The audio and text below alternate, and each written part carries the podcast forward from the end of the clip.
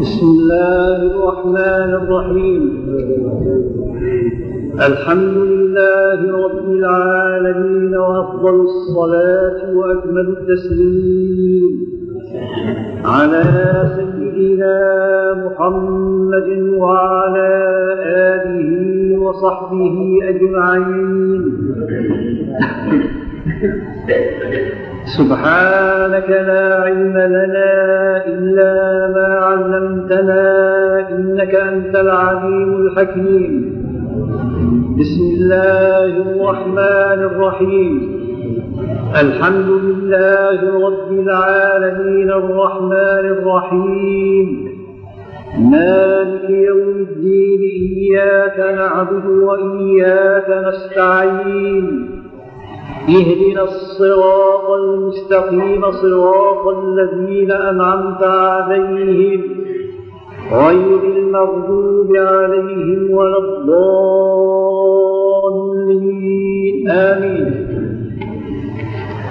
الحمد لله رب العالمين. تقدم الكلام على قول الله تعالى لقد من الله على المؤمنين إذ بعث فيهم رسولا من أنفسهم يتلو عليهم آياته ويزكيهم ويعلمهم الكتاب والحكمة وإن كانوا من قبل لفي ضلال مبين.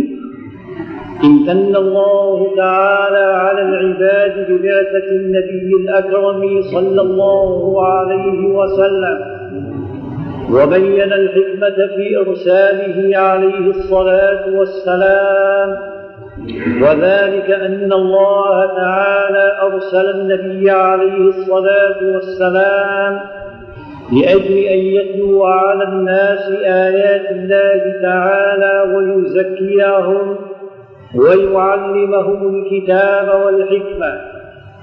وهذه تعتبر من جملة مواقف النبي عليه الصلاة والسلام مع العالم. لأن النبي عليه الصلاة والسلام جاء جاء إلى العالم وله معهم مواقف متعددة. تتوقف عليها سعادتهم في الدنيا وفي الآخرة.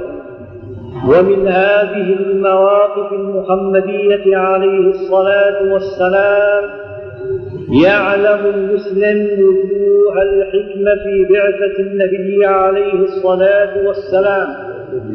ويعلم وجوه الحاجة إلى رسالة سيدنا محمد عليه الصلاة والسلام. فمن جملة المواقف المحمدية مع العالم أنه جاء هاديا للعالمين عليه الصلاة والسلام. جاء يهديهم بهدي من الله سبحانه وتعالى إلى صراط مستقيم. قال وإنك لتهدي إلى صراط مستقيم صراط الله. ولا وهذا كما بين سبحانه في موقف نبيه مع العالم. قال هو الذي أرسل رسوله بالهدى ودين الحق ليظهره على الدين كله وكفى بالله شهيدا محمد رسول الله صلى الله عليه وسلم. هذا الهدي المحمدي صلى الله عليه وسلم. قلنا الكلام حول هذا الهدي. اولا يتعلق بأنواع الهدي. وما هي الأمور التي هدى إليها رسول الله صلى الله عليه وسلم؟ وما هو منهاج هديه عليه الصلاة والسلام؟ والخطة التي سلكها في هديه للعالم. أما مراتب الهدي وأنواع الهدي الإلهي قلنا فيما مضى. هناك هدي عام هدى الله تعالى إليه جميع الخلق. سواء كانوا من العقلاء أو النبات أو الجمال. أو الوحوش أو الطيور أو الإنسان أو الحيوان. كلا هداه الله تعالى لمعرفته جل وعلا. وهداه إلى ما فيه صلاح بقائه ووجوده وهذا قوله سبحانه وتعالى ربنا الذي أعطى كل شيء خلقه ثم هدى. وتكلمنا على تفصيل هذا الهدي. وهناك هدي بيان عام لجميع المكلفين. وهذا حجة الله على على العاقلين وعلى جميع عباده المكلفين. أنه هداهم أي بين لهم على ألسنة الرسل صلوات الله عليهم. بين لهم ما فيه سعادتهم في الدنيا وفي الآخرة. بين لهم طريق الحق من طريق الضلال.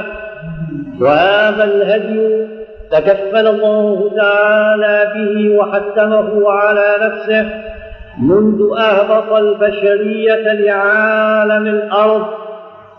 قال قلنا اهبطوا منها جميعا فإما أن يأتينكم مني هدى فمن تبع هداي فلا خوف عليهم ولا هم يحزنون.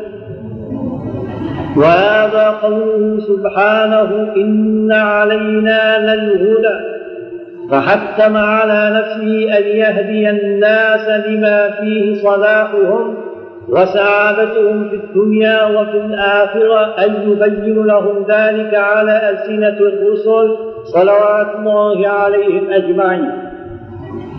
ولقد بعثنا في كل أمة رسولا منهم فأزال الله الحجة وأقام الحجة على العالم وجمع أنواع الهدي كله لسيدنا محمد عليه الصلاة والسلام فهو صاحب الهدي العام لجميع الأنام.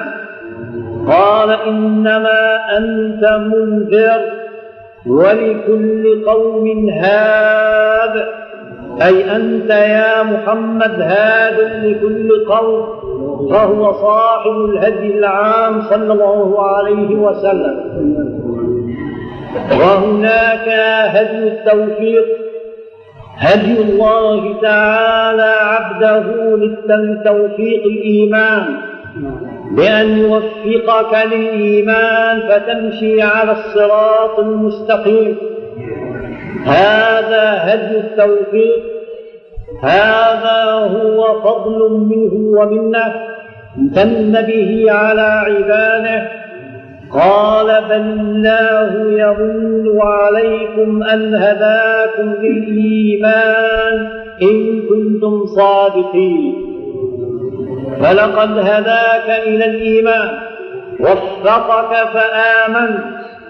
جاءك الرسول عليه الصلاة والسلام بين لك ووضح الأمر لك.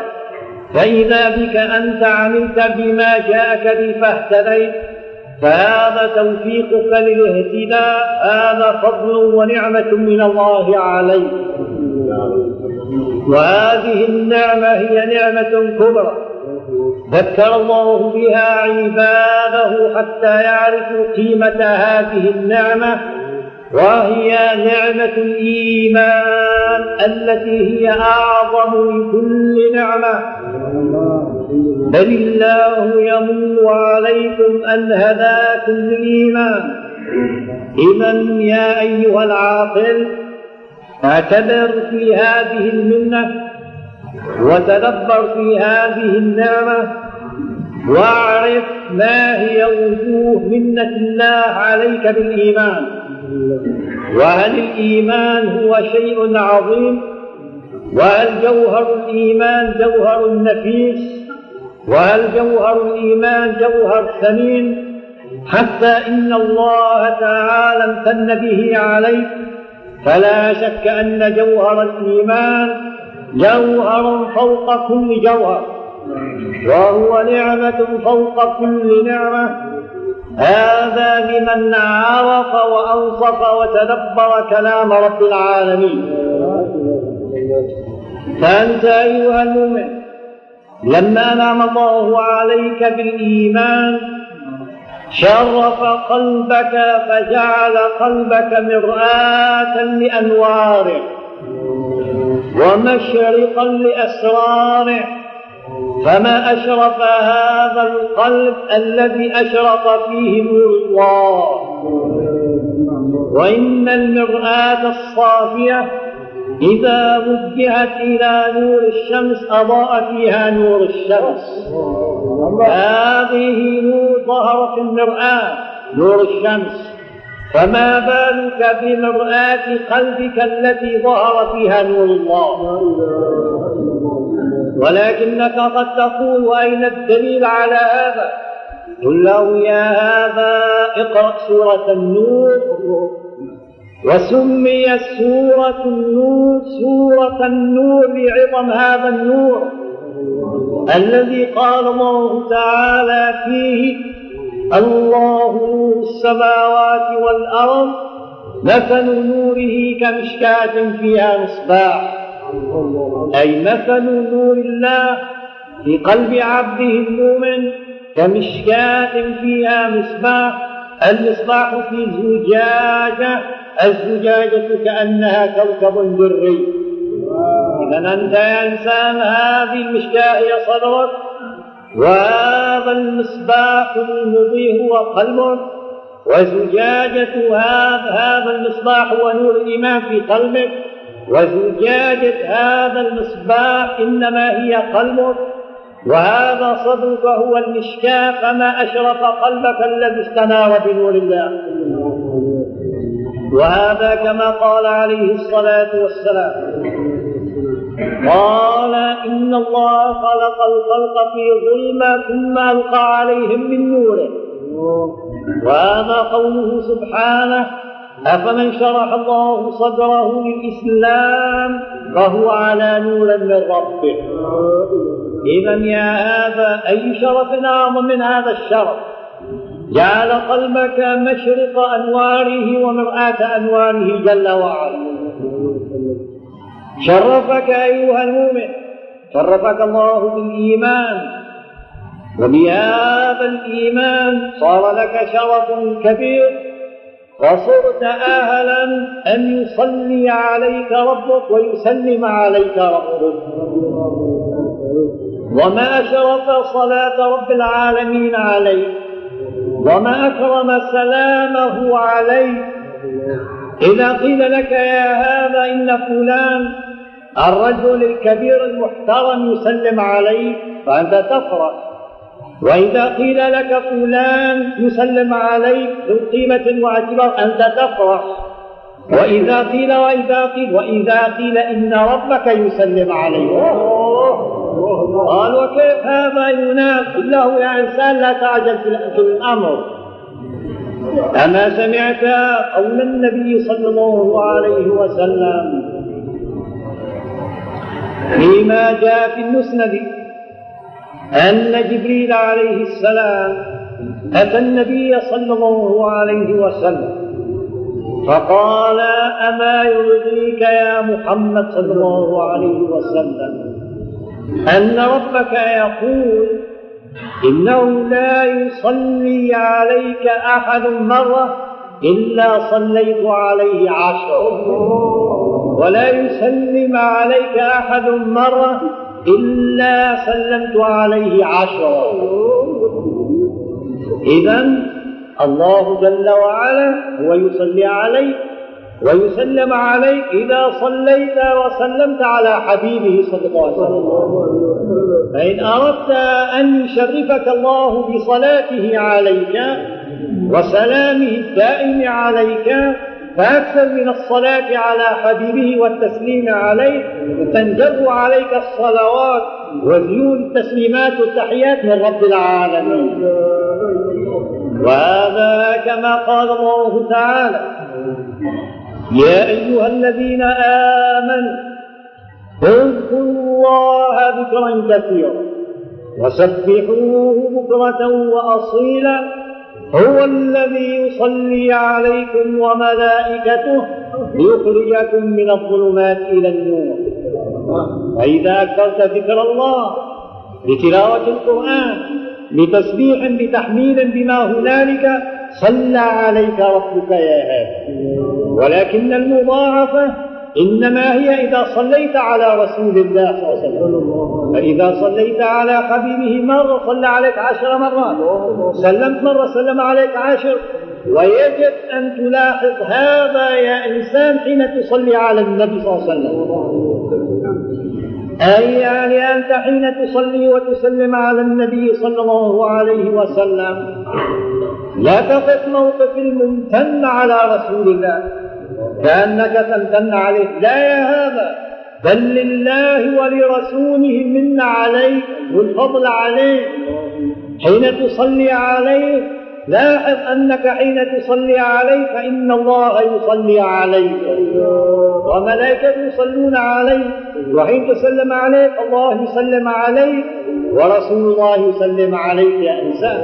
وهذا هو الفضل الكبير عليك. فأنت واقف موقف من يطلب الفضل والنعمة من الله.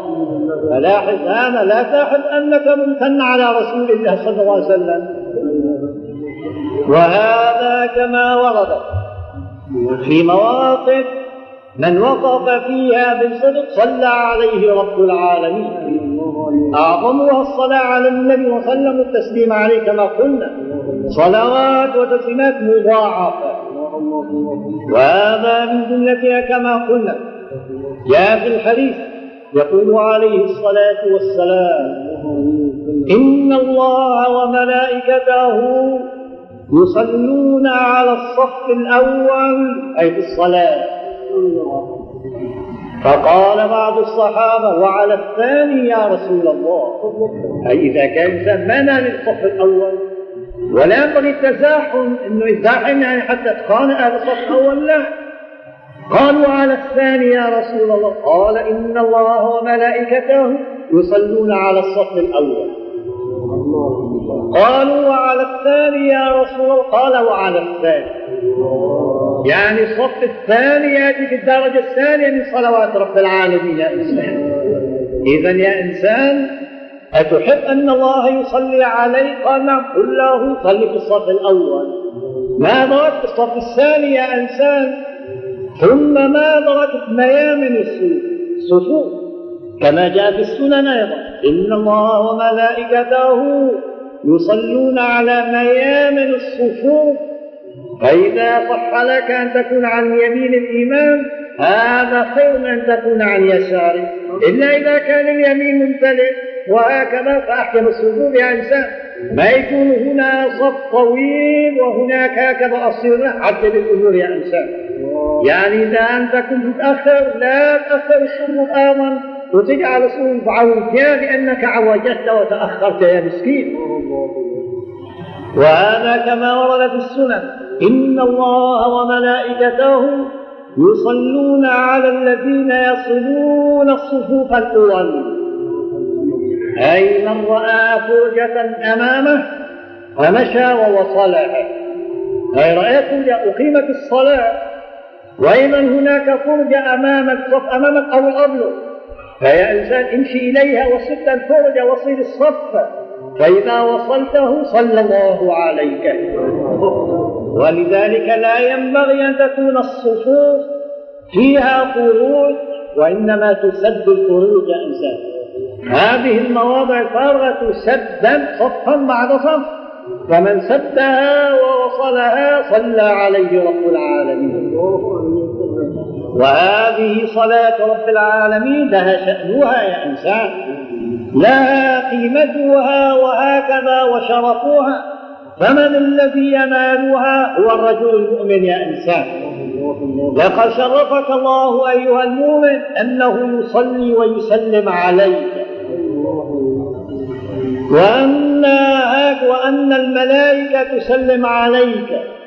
حين تسلم على النبي صلى الله عليه وسلم الملائكة تسلم عليك. وأن سيدنا محمد يسلم عليك. صلى الله عليه وسلم. وأن كل مؤمن صالح يسلم عليه. قال كيف يعني كل لا تقل كيف؟ جايك الدليل يا إنسان. فهذا كما جاء التشهد. حين تقرأ في الصلاة التحيات لله والصلوات والطيبات. السلام عليك أيها النبي ورحمة الله وبركاته. السلام علينا وعلى عباد الله الصالحين. هنا قال عليه الصلاة والسلام إذا قال العبد السلام علينا وعلى عباد الله الصالحين أصابت أي هذه التحية وهي السلام كل عبد صالح في السماوات والأرض. فسلامك عمم الملائكة في السماوات بل الملأ الأعلى السماء العلو كله. وعمم أهل الصلاح من أهل الأرض الحاضرين والسابقين والآتين عن ساعة. السلام عمهم كلهم. إذا هذا سلام من كل مصل ينال كل صالح ومن في السماء والأرض. ولقد كان رسول الله يقول هذا أيضا. فكان يقول في صلاته السلام علينا وعلى عباد الله الصالحين. وأنت من جملتهم. فلقد نالك سلام سيدنا محمد صلى الله عليه وسلم. إذا يا إنسان هذا فضل كبير. لما سلكك الله في نظام أهل الإيمان منت كل خير ينال أهل الإيمان. هذا فضل كبير. إذا الله تعالى يمتن عليك. بل الله يمن عليكم أن هداكم للإيمان أي أن الإيمان له ثمرات وله منافع وله فوائد وله خصائص. أنتم لا تعلمونها كلها. الله يعلم.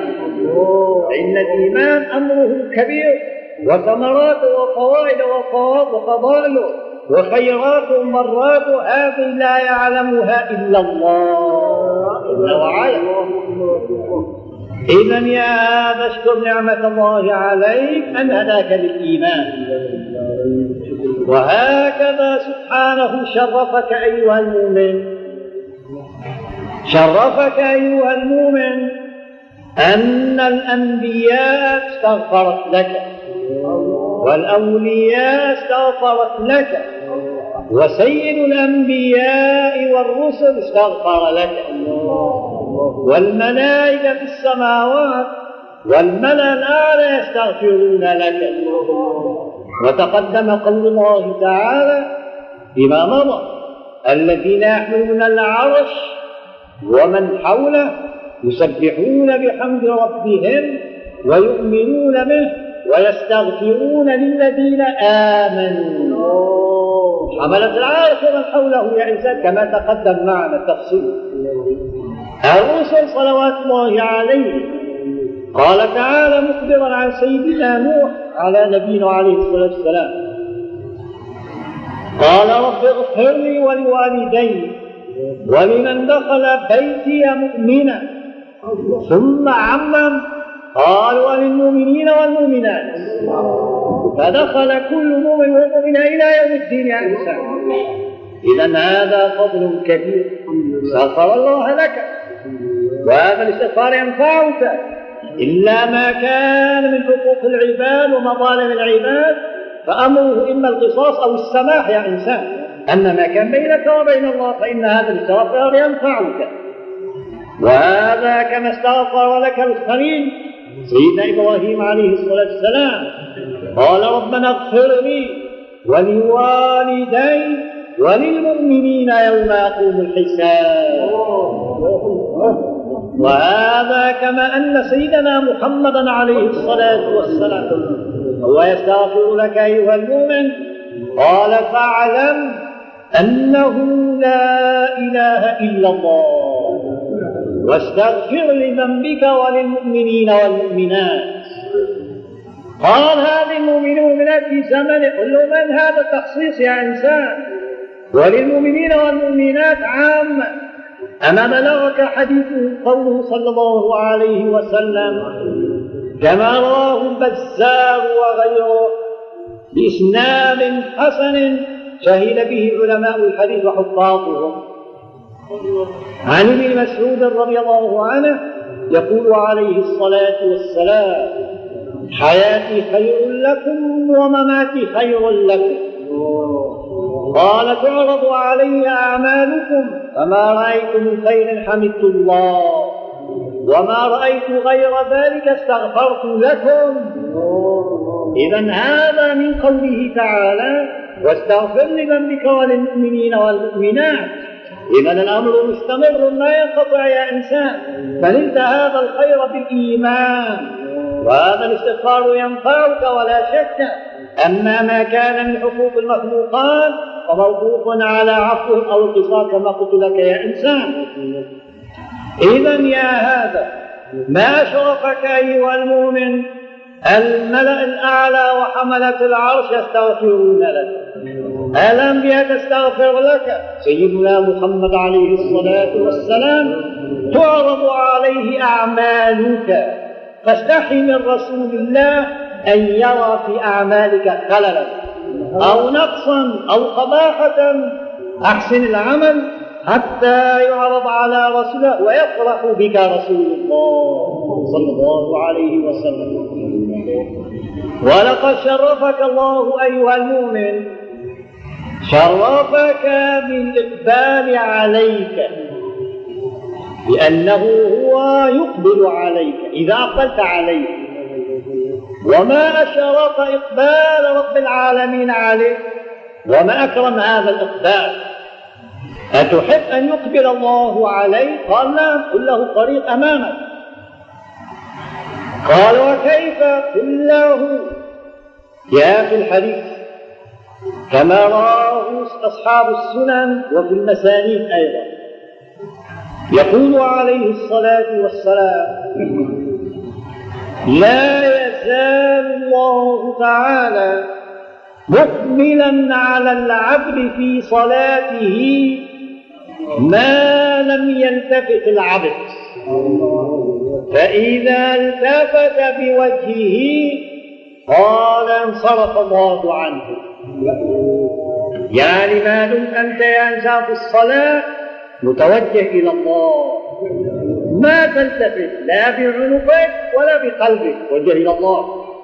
قال فالله مقبل عليك ومتوجه عليك جل وعلا. فإذا التفت وأعرض أعرض عنك. ولذلك نبه وحذر صلى الله عليه وسلم المصلي حذره من الالتفات. لا تلتفت بعينيك وعنقك ولا تلتفت بقلبك. صار نظرك إلى موضع السجود أو موضع القدمين أو جانب القبلة على اختلاف المذاهب أيما أفضل يا إنسان؟ ثم من ناحية وجهك تتحول راح فلان جا فلان تلتفت لا لا لا. ناحية قلبك وجهه إلى الله. قال الدكان والبناية والعمارة والكاسة والغاصة إلى آخره. قل اتركها على جنب. وما أدرك أن هذه الصلاة هي آخر صلواتك وسوف ترحل إلى الله يا إيش يعني؟ أنت تدبر أمور الدنيا في الصلاة وما يدرك يا إنسان أنها آخر الصلاة. ولو قال لك الملك إن هذه آخر صلاة إيش بيكون حالك؟ قال والله بيكون كل حدود. في ذاك الوقت تطرح الدنيا وما فيها وراء ظهر قل له ما يدرك الأمر هكذا. فلذلك يا إنسان استعن بهذه الملاحظة على حضور قلبك. وهو أنك لا تدري لعلها آخر صلاة فلتكن فيها موجهة إلى الله جل وعلا. قال كما في الحديث إذا قام الرجل إلى الصلاة فإن الله تعالى يقبل عليه. إقبال جل وعلا. فإذا التفت أي العبد قال الله تعالى يا ابن آدم إلى من تلتفت إلى من هو خير لك مني قال ثم إذا التفت قال له مرة ثانية. أي إلى من تلتفت من تلتفت إلى من هو خير لك مني فإذا التفتت ثالثة أعرض الله تعالى عنه. التفت مرة ثالثة قال أعرض الله عنه. إذا يا إنسان توجه إلى الله الصلاة. وأقبل على الله فإن الله يقبل عليك. وما أشرف إقبال رب العالمين عليه وإذا أقبل عليك أقبل عليك النور. وأقبل عليك الهدى والسرور. وأقبلت عليك الرحمات والخيرات والبركات.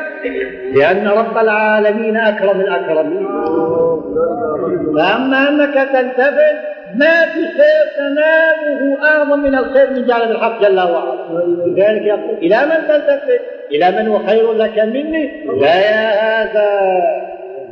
وهذا كما جاء في الأحاديث كثيرا ينبه رسول إلى هذا الأمر. وهذا كما ورد في سنن الترمذي وصححه. وهو أيضا رواه في صحيح خزيمة وغيرهما من مسانيد. عن الحارث الأشعري رضي الله تعالى عنه. قال قال رسول الله صلى الله عليه وسلم إن الله تعالى أمر يحيى بن زكريا عليهما الصلاة والسلام بخمس كلمات أن يعمل بهن وأن يأمر بني إسرائيل أن يعملوا بهن قال وإنه كاد أن يبطئ بها أي كاد أن يبطئ بالتبليغ. فقال له عيسى على نبينا وعليه الصلاة والسلام قال لسيدنا يحيى يا يحيى إما أن تأمرهم وإما أن آمرهم أنا بذلك. أي لا بد من التبليغ فمن تبلغ وما نبلغ أنا. فقال له يحيى عليه الصلاة والسلام قال لا بل أبلغ أنا أخشى أن يخسف بي أو أعذب. أي أنا إذا لم أبلغ وأبطأت عن التبليغ فأنا أخاف من الله أن يخسف الله بي الأرض أو يعذبني. فقام يحيى عليه الصلاة والسلام وجمع الناس في بيت المقدس. فامتلأ بيت المقدس حتى جلسوا على الشرفات أي الأطراف العالية نص بيت المقدس. فقام سيدنا يحيى خطيبا. قال لهم إن الله تعالى أمرني بخمس كلمات أن أعمل بهن وما أمركم أن تعملوا بهن أمركم أن تعبدوا الله ولا تشركوا به شيئا. فإن مثل ذلك أي مثل من أشرك بعبادة الله. كمثل رجل اشترى عبدا من خالص ماله ذهب أو ورق وجعله في داره وقال له اعمل وارفع إلي في عمل وأدي إلي. أي عبد مملوك لهذا السيد. قال له سيد أنت في داري وكل من رزقي. واشتغل وأدي إلي قال فكان هذا العبد يعمل ويؤدي إلى غير سيده. يعمل ويؤدي إلى غير سيده. قال فأيكم يرضى أن يكون عبده كذلك؟ من الذي يرضى أن عامل مملوك له في دار مملوك له ينفق عليه ويطعمه ويعمل ويؤدي إلى غير سيده. من يرضى هذا؟ جاء في رواية ابن قال يحيى فإن الله هو خالقكم ورازقكم فاعبدوه ولا تشركوا به شيئا. أي هذا أمر معقول. قال وأمركم بالصلاة. فإذا صليتم فلا تلتفتوا. فإن الله تعالى ينصب وجهه لوجه عبده ما دام في صلاته. في رواية ابن خزيمة فإن الله يقبل على عبده ما دام العبد في صلاته. أي الله يقبل عليك ما دمت الصلاة غير ملتفت فلا تلتفت لا بوجهك ولا بقلبك يا إنسان. بل توجه إلى الله. واعلم أن الله متوجه إليك جل وعلا. قال وأمركم بالصيام. فإن مثل ذلك مثل الصائم كمثل رجل معه سرة مسك معه سرة مسك يفوح ريحها كل مكان. حامل سرة مسك أينما ذهب وتوجه ريح المسك هكذا تعبق في الأماكن. قال وإن ريح فم الصائم أطيب عند الله من ريح المسك أي ملائكة الله والملأ الأعلى يشمون رائحة فم الصائم أطيب من ريح المسك وإن كان ظاهرها عند أهل الدنيا فيها ما فيها من مكروه ولكن حقيقتها في ذاك العالم أطيب من ريح المسك يا إنسان. قال وأمركم بالصدقة؟ فإن مثل ذلك قال كمثل رجل لحقه العدو فأسروه وأوثقوا يديه إلى عنقه أي ربطوه. فقال لهم يا هذا أنا أعطيكم ما تريدون أنا أفي نفسي منكم بالقليل والكثير. قال ففدى نفسه منه. أي قال لهم إيش تريدون؟ قالوا نريد مال أعطاهم. أعطاهم حتى رضوا فتركوه ففدى نفسه منهم. أي وكذلك الصدقة. هذه تدخل الخطيئة كما يدخل الماء النار. وهكذا الصدقات تنفع يا إنسان. قال وأمركم أن تذكروا الله تعالى. أي تذكروا الله كثيرا كما جاء في رواية الكزي أن تذكروا الله كثيرا فإن مثل ذلك. أي مثل الذي يذكر الله كثيرا. هو الذاهب هو ماشي هو آتي جلس قام يذكر الله. وأنواع الذكر أنواع يا إنسان. قال فإن مثل ذلك كمثل رجل لحقه العدو فمشى أمامه فر منه حتى دخل حصنا حصينا وأغلق الباب دونه. دخل حصن؟ وأغلق وراه الباب الباب حديد محصن فما وصلوا إليه. قال وكذلك العبد لا يحرز نفسه من الشيطان إلا بذكر الله تعالى. أي أنت يا إنسان أنت معرض أن يصطادك الشيطان وأن يوسوس لك ويزين لك دائما فبماذا تنجو منه وتحرز نفسك وتحفظها من الوساوس. وما هنالك همزات الشيطان؟ إنما بالواظبة على ذكر الله. الواظبة على ذكر الله جل وعلا سبحانه وتعالى. فإن ذكر الله حصانة. ذكر الله تعالى حفظ حصين يحفظك من وساوس الشيطان. وكثير من الناس يشكو وساوس. وكثير من الناس يشكو هوسا في عقله فاعتري شبهات. قل له عليك بالمواظبة على ذكر الله. يا ولا سيما صيغة لا إله إلا الله. إنها أقوى ما يكون كما قال عليه الصلاة والسلام أفضل الذكر لا إله إلا الله. هذا أفضل الذكر على الإطلاق يا إنسان. فإن لا إله إلا الله قوة فمن أكثر منها وهكذا انجلى قلبه لأن لها سلطانا على القلب. هذه لا إله إلا الله لا معبود حقا إلا الله. وهنا يا إنسان هوى نفسك قد يزين لك أمورا. ويأتي الشيطان إلى الهوى فيحركه. فربما أنت في حال منقاد للهوى أنت كأن الهوى صار معبودا. إذا أفرأيت من اتخذ إلهه هوى؟ فكيف تكسر هذا هوى النفس وتحطمه ويخلص قلبك بالتوحيد لله؟ نعم هو أن تكثر من قولك لا إله إلا الله. ويتحطم هوى النفس ودواعي النفس وموضع الشيطان وتزيين الشيطان ولذلك يستنير القلب لا إله إلا الله. إذا هذا كما في الحديث. وهو إن الله تعالى ينصب وجهه بوجه عبد ما في الصلاة إذا يا من شرفك الله تعالى من أنه يقبل عليك ويتوجه إليك. وهذا شرف كبير لك يا إنسان أن رب العزة أقبل عليك جل وعلا. إذا ما شرف هذا الإيمان الذي أعطاك أهلية أن تقف موقفا يقبل عليك رب العالمين. بل الله يمن عليكم أن هداكم للإيمان إن كنتم صادقين. ولقد شرفك الله تعالى أيها المؤمن.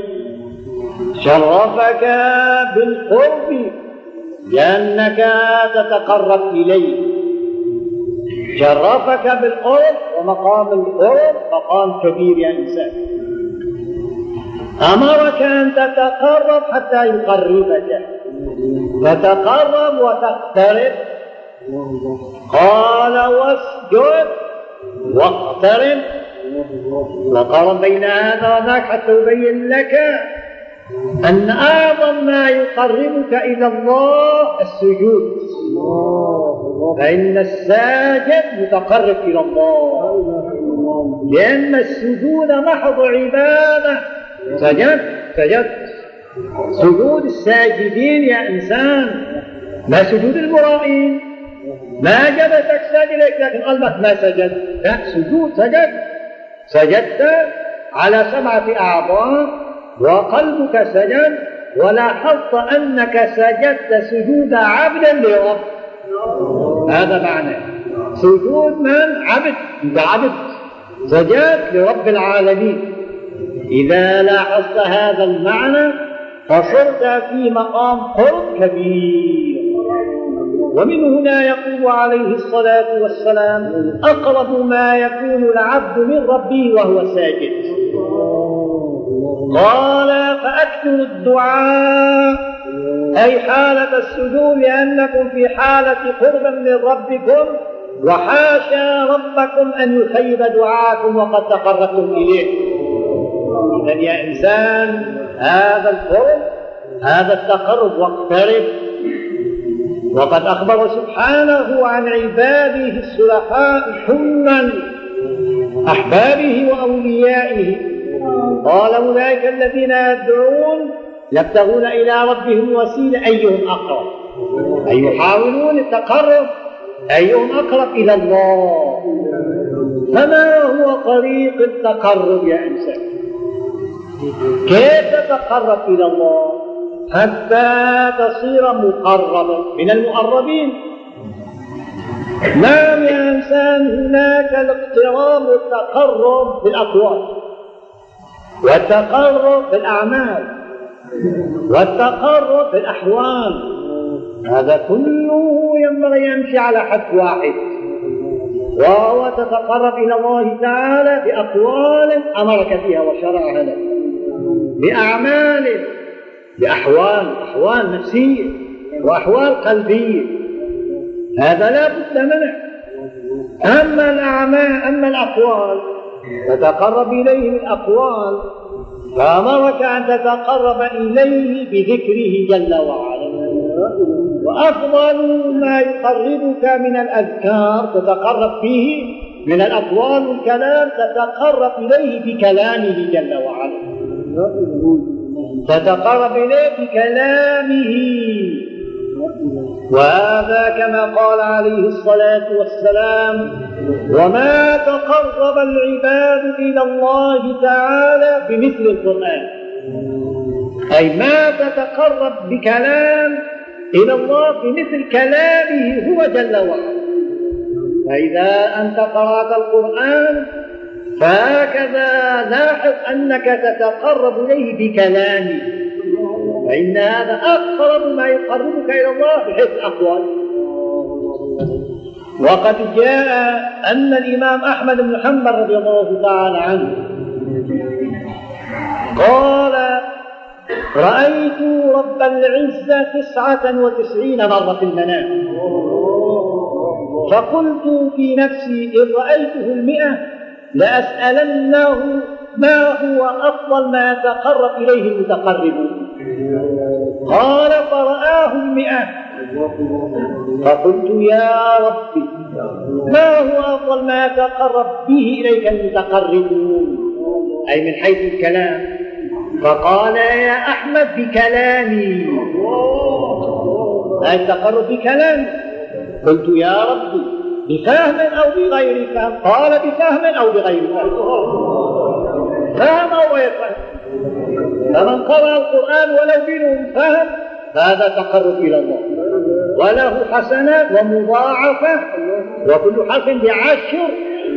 وهذا قد يقال إنها رؤيا يقال الأصل الحديث يا إنسان. الحديث ورد في ذلك. يقول عليه الصلاة والسلام من قرأ حرفا من كتاب الله تعالى فله به حسنة. قال والحسنة بعشر أمثالها. قال لا أقول ألف لام ميم حرف. قال ولكن ألف حرف ولام حرف وميم حرف. أي فمن قرأ ألف لام ميم فقد قرأ ثلاثة حروف وكل حرف هكذا حسن كل حسنة بعشر أمثالها. يا هذا لما ذكر لنا رسول الله صلى الله عليه وسلم خصوص ألف لام حتى تعرف أن من قرأ القرآن بفهم أو غير فهم فهو مضاعف الأجر لأن أكثر الناس لا يفهمون ولا يعرفون معنى ألف لام الناس كلها تعرف معنى ألف لام يا إنسان؟ لا. ما يعرفها إلا أهلها يا إنسان. إذا من قرأ الإسلام ميم وأكثر الناس لا يعرفونه فقد نالوا الحسنة وحسن بعشر أمثاله بكل حرف عشر حسنات يا إنسان. هذا خصوصية بكلام الله جل وعلا. إذا أقرب ما تتقرب إليه بكلامه جل وعلا. وهناك الأذكار. لا إله إلا الله. وهناك سبحان الله وهناك الصلاة على سيدنا رسول الله صلى الله عليه وسلم وهناك الاستغفار وأن تعطي كل وقت ما يستحقه من الوظيفة يا إنسان. كل وقت له وظيفة يقال فيها أنت يا إنسان.